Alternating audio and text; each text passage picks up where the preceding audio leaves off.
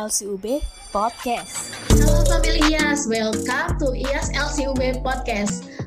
Balik lagi sama Ovi di sini, berbeda dengan sebelum-sebelumnya nih. Kali ini aku ditemenin sama Halo semuanya, aku Made. Kali ini aku nemenin Kak Ovi dan familia semuanya. Nah, kita bakalan bahas topik yang gak kalah menarik nih dari podcast-podcast sebelumnya di episode ini. Kamu tahu gak deh kita bakalan bahas apa? Tahu dong kak, ini tuh salah satu topik yang sering banget aku dengar akhir-akhir ini dan menurut aku topiknya tuh menarik banget untuk dibahas sih. Kira-kira bahas apa aja tuh deh? Bikin penasaran aja nih. Oke deh, jadi kali ini kita tuh akan bahas brand marketing bersama narasumber yang keren banget nih Kak. Udah jauh-jauh datang dari IAS World untuk datang di podcast IAS LCUB dan sharing-sharing ke kita semua. Keren banget gak tuh? Ih, keren banget. Beneran. Kita kedatangan dari IAS World.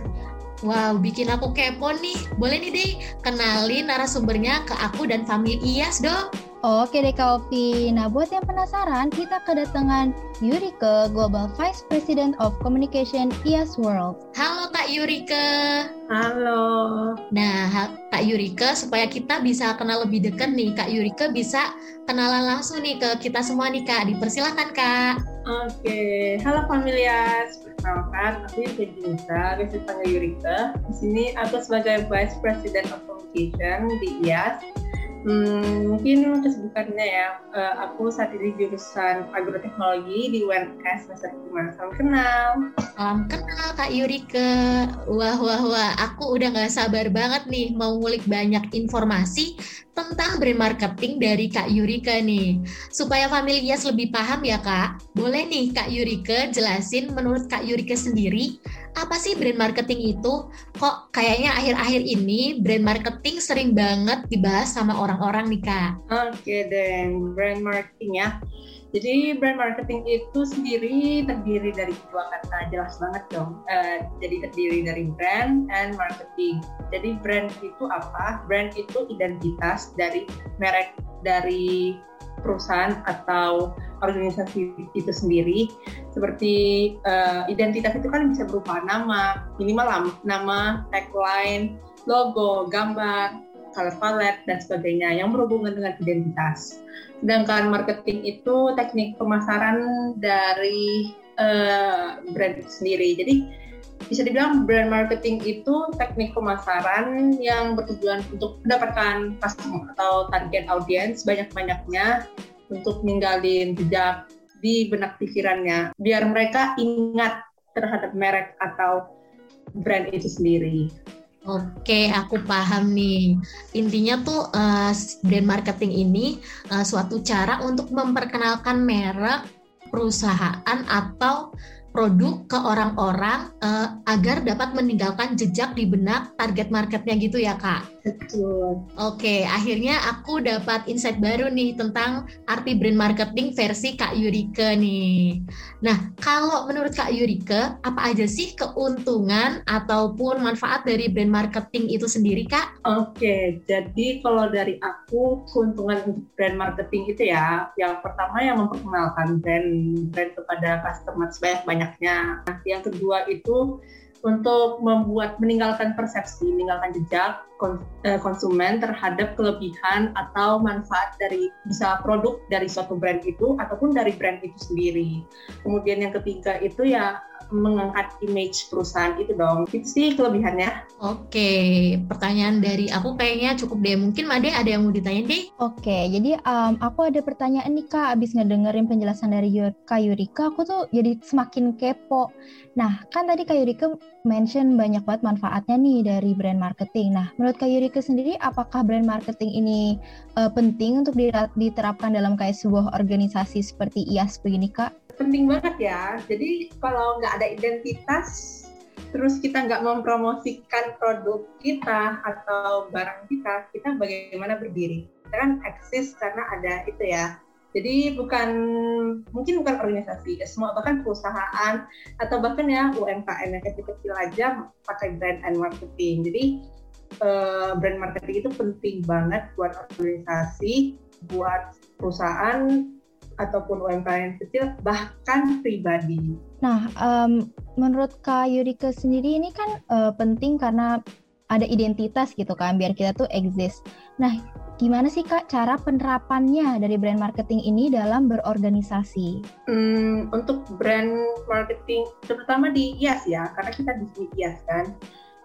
Pertama dari brand, kalau dari brand kita udah lumayan, uh, mungkin lagi udah lumayan kan kita udah ada warna oh, dari mungkin dari logo logo nama tagline kemudian dari color palette bahkan sekarang lagi updating uh, itu udah lumayan. Bah kalau dari marketing marketing sendiri menurut aku masih banyak orang mengerti uh, kurang ngerti persepsi marketing itu apa. Jadi kayak uh, banyak orang hanya mungkin di marketing itu kan strategi planningnya itu panjang. Cuma orang kayak melewati step-step sebenarnya dari marketing itu kalau di ya sendiri aku lihat. Jadi uh, marketing ini sebenarnya penting buat memperkenalkan bias kepada semua orang. Jadi step-step itu uh, harusnya diikutin, terus orang itu harus ngerti basic pentingnya dari marketing itu.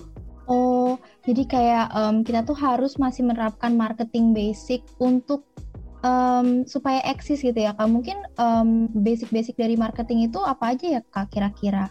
Hmm, Oke okay. jadi sebenarnya marketing ini sebelum sebelum melakukan marketing kalian harus ngerti, uh, ngerti dulu sesuatu.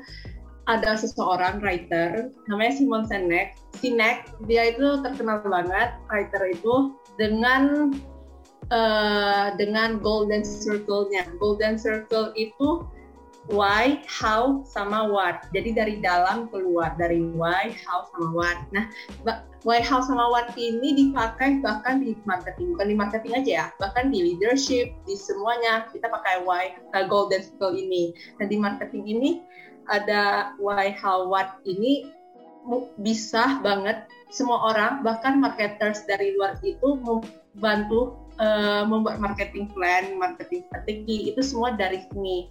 Jadi aku bisa kasih contoh ya ini. Jadi kebanyakan itu organisasi itu atau perusahaan mulai dari what, what apa. Uh, aku kasih contoh Apple. Apple itu kalau perusahaan Apple sama Google itu perusahaan terkenal uh, yang sukses banget kan karena mereka mulai dari why, how baru what tapi kalau misalnya mereka dari what? Contoh, we make a great computer. They are friendly user and beautifully designed and easy to use. Do you want to buy one? Itu kayak banyak orang gak akan pilih karena kayak mereka memamerkan what-nya. Kalau mereka mulai dari why, um, with everything we do, we aim to challenge status quo. We aim to think differently. Our products are user friendly beautifully designed and easy to use. We just happen to make a great computer. Do you want to buy one? Dari Y ini mereka kasih tujuan mereka. Kenapa mereka eksis? Apa yang mereka believe? Purpose mereka itu apa? Baru bagaimana mereka mencapai tujuan itu. Kemudian rest what-nya itu apa? Yaitu komputer mereka. Itu sih orang beli apa yang kamu percaya, bukan apa yang kamu jual gitu sebenarnya dari situ. Wah, menarik banget sih Kak. Aku kayak baru tahu kalau emang marketing tuh harus mengutamakan value kita gitu ya Kak. Kayak tujuan kita, why kita exist. Oke deh, mungkin um, aku akan lanjutkan ke Kak Ovi dengan pertanyaan-pertanyaan lanjutannya. Silakan Kak Ovi. Oke, makasih Made. Nah, boleh nih Kak, mungkin di spill atau bocorin nih ke kita-kita dan family IAS. Sejauh ini, gimana sih Kak Yurike menerapkan brand marketing khususnya di communication IAS World seperti branding melalui sosial media atau yang lainnya nih Kak?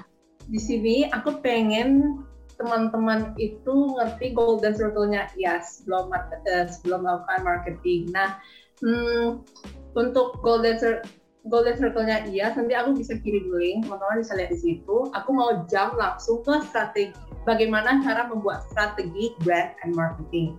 Nah, uh, pertama, yang pertama pastinya membuat strategi dan marketing plan, membuat marketing strategi and marketing plan. Sorry. Nah, marketing strategi sama marketing plan itu berbeda banget ya. Ini banyak orang mungkin miskonsepsinya mereka itu sama, tapi strategi sama plan itu berbeda. Strategi uh, marketing strategi itu adalah berbagai penjelasan mengenai tujuan yang harus dicapai oleh seorang marketer. Nah, sedangkan marketing plan itu bagaimana kita uh, plan langkah-langkah langkah-langkah itu untuk mencapai marketing strateginya. Jadi marketing strategi baru bawahnya itu marketing plan. Bagaimana bisa mencapai marketing strategi itu sendiri. Nah, kemudian setelah kalian buat strategi, kemudian plannya, baru pilih tools yang tepat. Tools itu bisa apa? Tools itu bisa kon jenis konten ya, atau jenis sosial media. Kan nggak semua, uh, mungkin kalau di IAS toolsnya itu Instagram ya. Di Instagram ini dibagi lagi. Kalian mau pakai apa? Reels, gambar, video, audio, atau uh, kalau audio podcast kayak ini ya, atau yang konten sebagainya gitu sih. Uh, jadi kayak pilih tools yang tepat tuh untuk uh, melakukan marketingnya. Kemudian habis itu pilih target audience. Nah, di target audience ini jangan pernah bilang kalau target audience itu semua orang. Nggak pernah ada. Kayak kalian kayak kalian nggak mungkin bisa senangin orang, nggak bisa senangin semua orang ya kan. Sama di brand and marketing, brand marketing ini, kita nggak bisa senangin semua orang. Contoh, di IA sendiri target audiensnya siapa atau customer kita siapa? Kita bisa bilang uh, target target customer kita atau target audience adalah mahasiswa. Mahasiswa berarti dari umur um, 17 sampai 25, kurang lebih kayak gitu. Kita nggak uh, mungkin secondary target audience-nya itu uh, apa teman-teman atau orang dewasa yang berkecimpungan di dunia pertanian ya kan nggak mungkin kalian mau ke dokter atau ke atau promosiin uh, produk kita itu ke uh, ke mana ya? Mungkin ke orang kerja kantoran. M maksudnya mungkin bisa ya tapi nggak nggak make sense dengan kita punya value kita punya target. Jadi contoh kayak uh, podcast ini juga.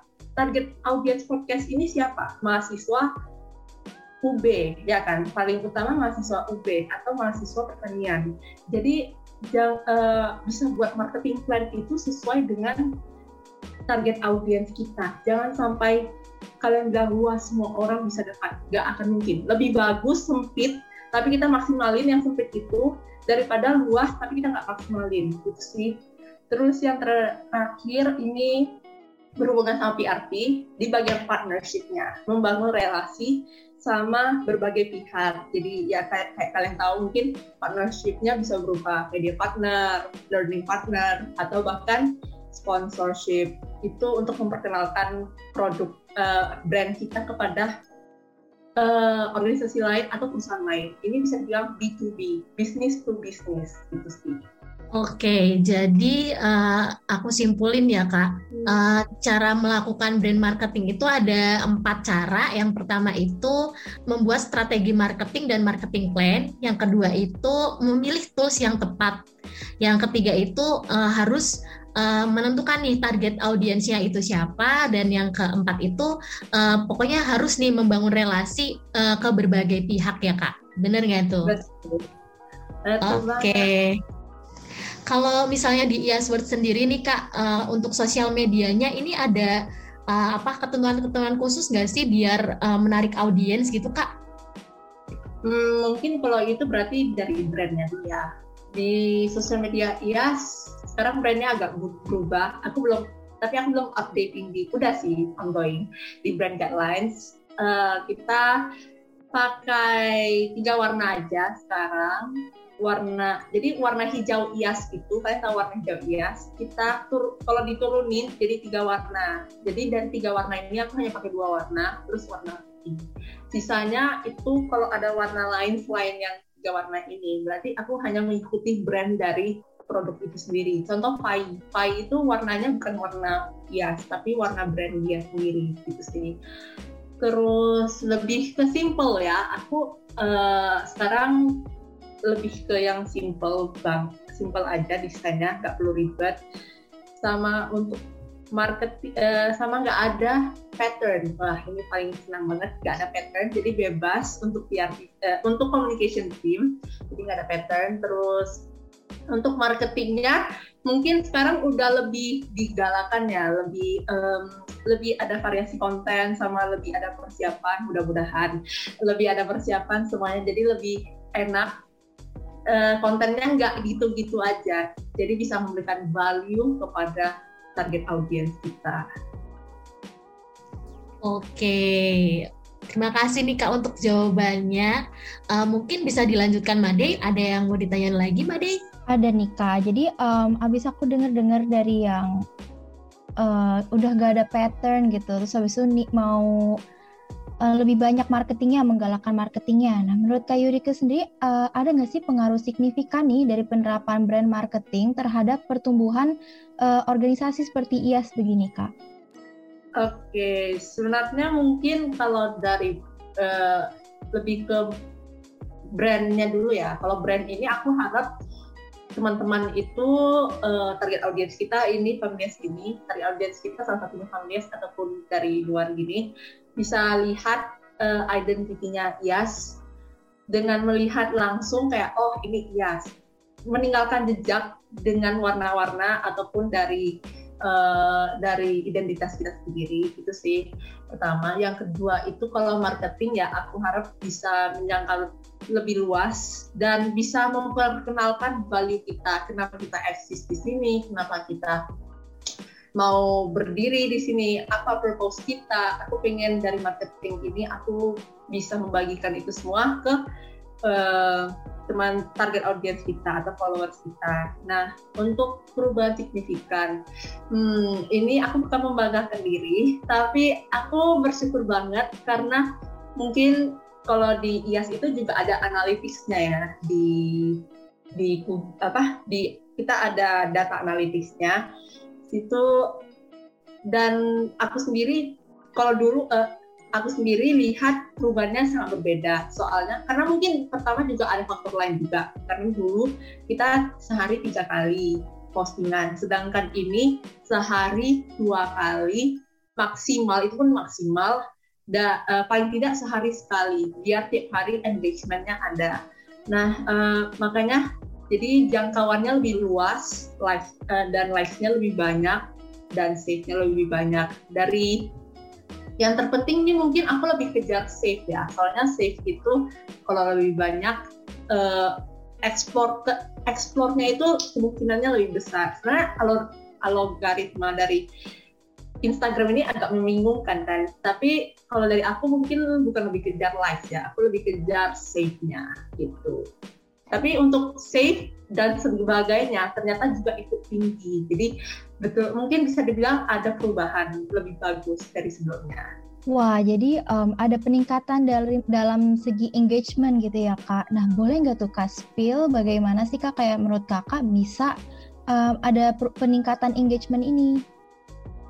Oke, okay. jadi pertama yang pasti orang uh, mungkin bisa memposisikan diri kita ke sebagai audiens, sebagai follower. Kenapa orang itu mau follow dari follow dari akun itu?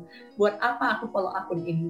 Untuk dapat value-nya. Karena kita bisa relate dari dari kontennya. Karena kita butuh informasi dari akun ini. Jadi uh, yang pertama itu ya tentunya kita ingin memberikan value ke uh, ke audiens dengan cara apa? Dari kalau di IAS ya kita buat marketing campaign. Jadi tiap bulan itu ada tema tertentu. Jadi kita buat uh, marketing campaign. Campaign ini bukan berarti yang ngajak selfie, ngajak foto gitu yang kayak biasanya. Ini nggak harus itu. Jadi kita kayak intinya memberikan informasi dari tema dari bulan bulan-bulan tertentu tiap bulannya. Jadi contoh kayak Desember ini bisa dilihat ya mungkin perlahan-lahan kalau kita lagi tentang soil biodiversity karena hari ini juga uh, podcast ini kita ada World Soil Day. Jadi kita uh, kita ingin mempromosikan uh, apa pentingnya tanah soil ini di dalam kehidupan kita.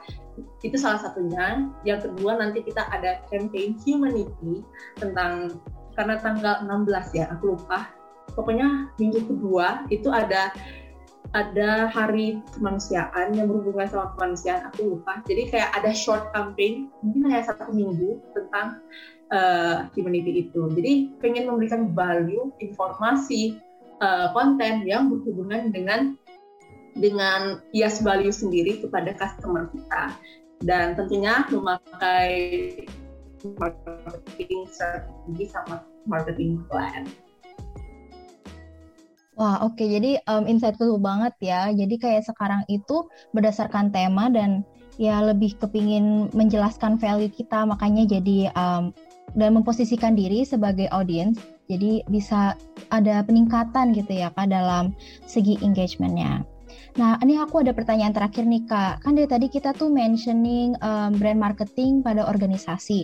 Nah, kira-kira nih Kak, kalau untuk kebutuhan individu ada nggak sih Kak um, apa ya menerapkan ilmu brand marketing itu untuk diri kita sendiri dan apakah Kak Yuri ke ini udah menerapkannya gitu dalam kehidupan dan aktivitas sehari-hari?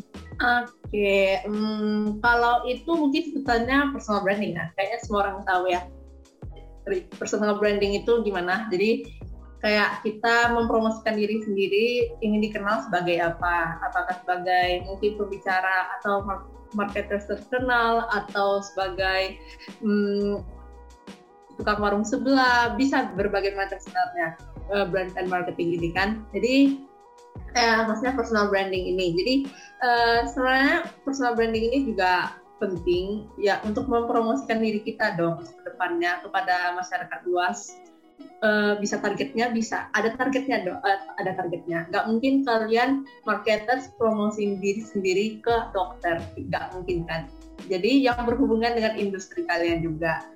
Terus apakah aku sudah mulai? Sebenarnya aku nggak gitu fokus personal branding karena uh, kalau personal branding kan promosinya bisa banyak kebanyakan orang bisa dari Instagram atau sekarang LinkedIn.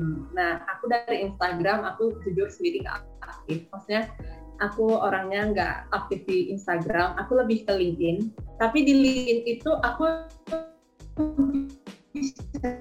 bilang nggak sampai kayak orang-orang. Kadang orang bagikan, bisa dibilang merapikan di LinkedIn itu aku harus aku harus masukin gimana gimana. Jadi bisa dibilang tahap progres bukan udah jadi ya penting banget sih Bener banget sih kak, aku juga relate karena um, personal branding aku juga belum jalan dan menurut aku emang LinkedIn ini lapak yang bagus sebagai apa ya kayak online CV kita gitu ya kayak online resume supaya bisa dilihat ke industri dan lihat um, jejak-jejak kita.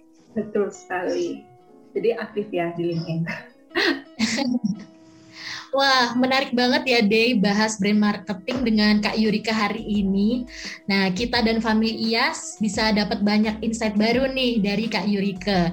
Nah, ternyata juga brand marketing itu memang menarik nih dan bisa diterapkan ke berbagai aspek kehidupan. Nah, bisa dipakai untuk organisasi, terus kalau kita membuat suatu produk, brand marketing ini juga bisa diterapkan ya Day uh, selain itu juga kita bisa nge-branding diri sendiri nih biar apa namanya uh, orang lain nih bisa percaya sama apa yang kita tawarkan gitu ya.